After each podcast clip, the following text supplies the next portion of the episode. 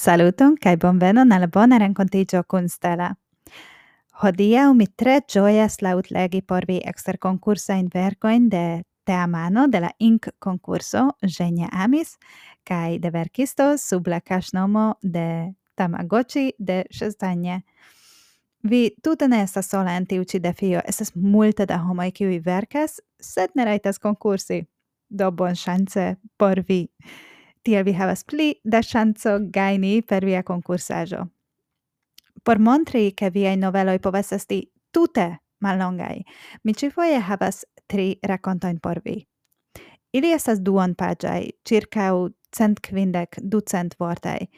Se vi comparas a tio che la maximuma longeco de la racconto kiun vi povas sendi por nia concurso estas du mil vortoi, unue vi tui comprenas kiom mallongai estas tiui ci, kai kiom trafai povas esti tiui vercoi.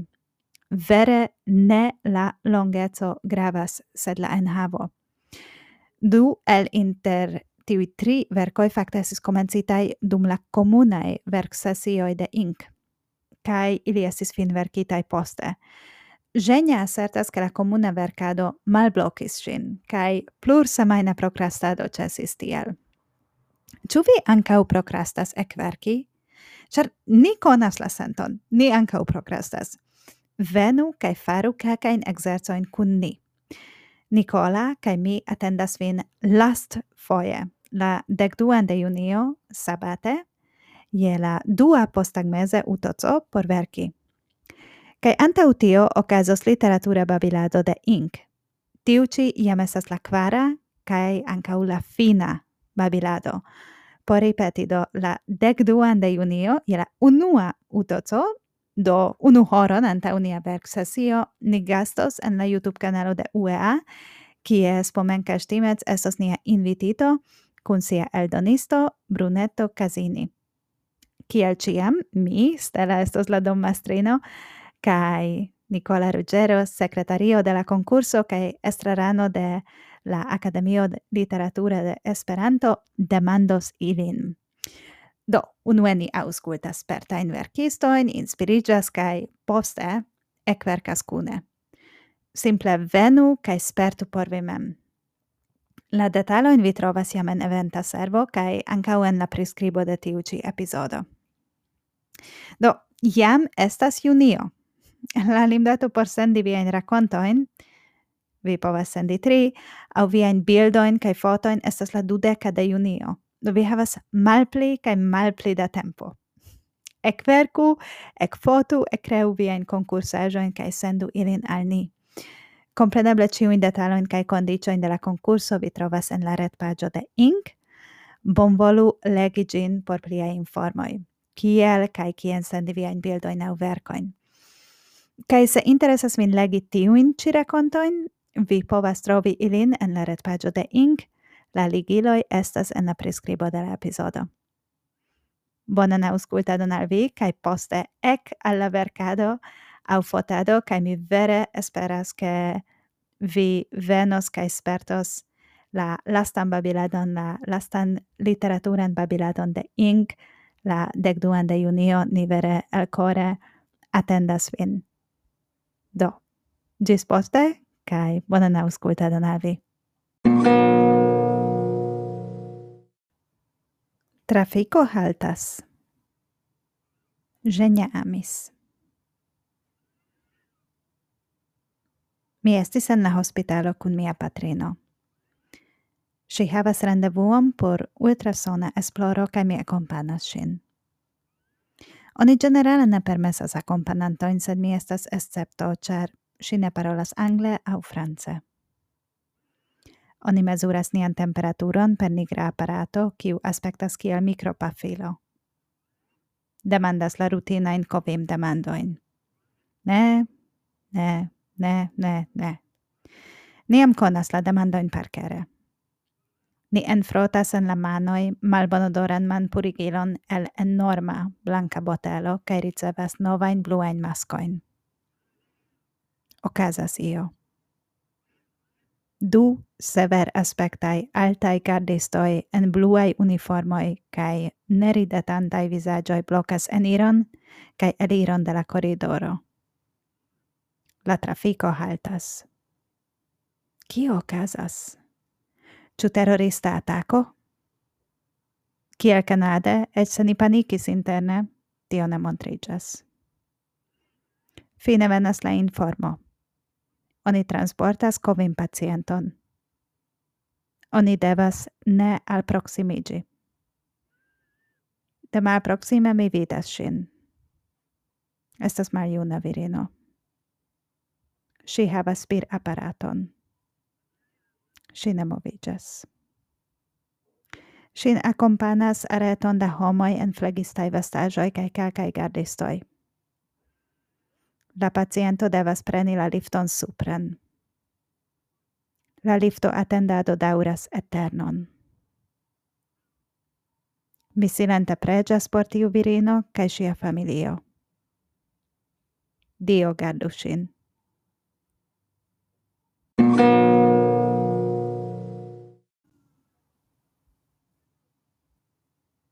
Diculino de Genia Amis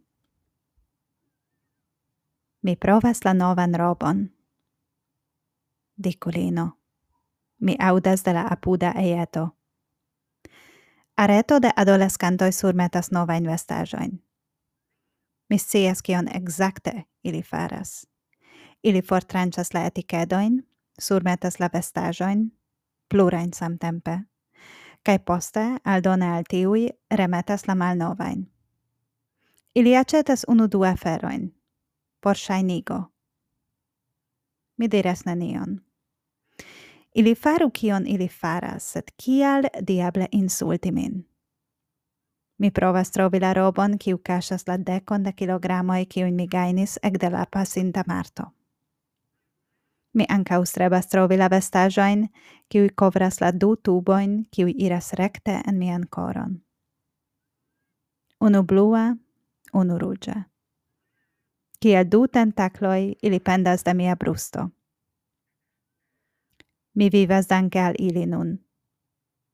Mi sentas che la vortoi de la adolescantoi trancias min pli profunde ol la tuboi, kiui iras recte en mian coron.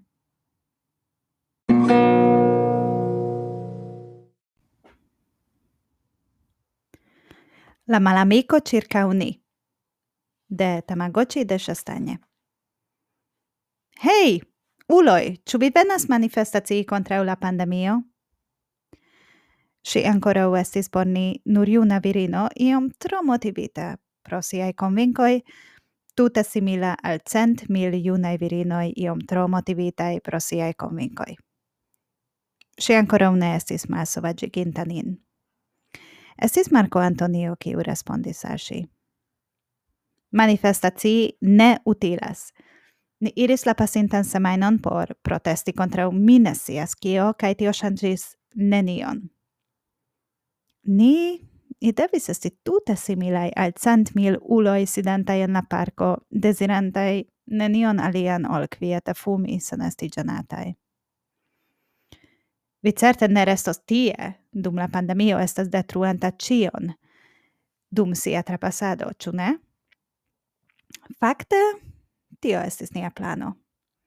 Ec estis tre bona plano, char si sentis che si desiro savi la planedon estis pli forta ol la nia lasi passi la stormon, si instigis nin plu. Mi spara savi la detaloin, sed por simpligi la pandemio estas la malbono, kai la homo estas iel respondeca.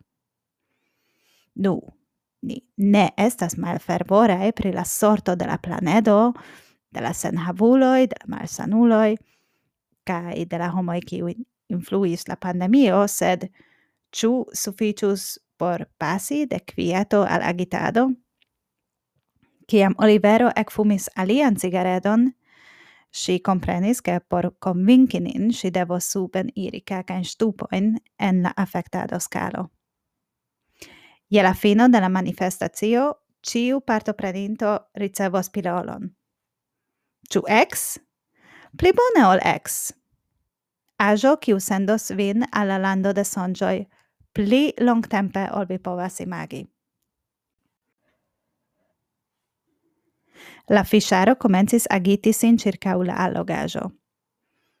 Finfine povus esti amuse iri promenadi en la urbo. Ĉu ne?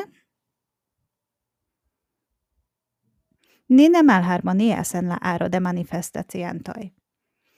Tio signifas che ni daure estas junai, tio tranquilligas nin.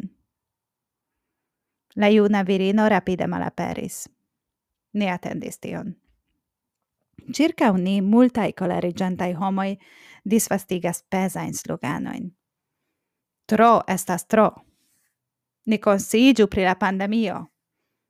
Ni agu tui. Vi ne havas la raitoin. Pasi en la tumulta homa maso estas distrajo kiel alia. Sed ni tamen havas la honestecon demandi nin, por au contrau kio damne ni tiel tumultas? Mi demandas virinon, kiu aspektas iom pli tranquila ola la. Mi devas confesi, ke mi ne tuj comprenas sian respondon. La cronviruso influas homain estajoin, pro tio gi nomigas pandemio. Se tiui specoi malaperantai, au kiui malaperos baldau, char homo sapiens pasigas tempon sur terre, kiun ni nomas la antropoceno, tio ancau estas pandemio. Huh? multai homoi povas igi tro homai, gis tio causas pandemion. Hmm? El la vidpunkto de homoi la viruso COVID causas pandemion, kiu malsanigas homoin. El la vidpunkto de blancai ursoi, homoi estas la causa de pandemio, kiu influas ilin gis ili igas malaperenta spezo. Hmm? Covim mortigas homoin pandemio. Homoi malaperigas aliaen spezoin. Pandemio. Hmm? Ni estas citie por diri ke homoi farigis vera infecto sur tiu ĉi planedo. Miai naivai princetoi. Hmm.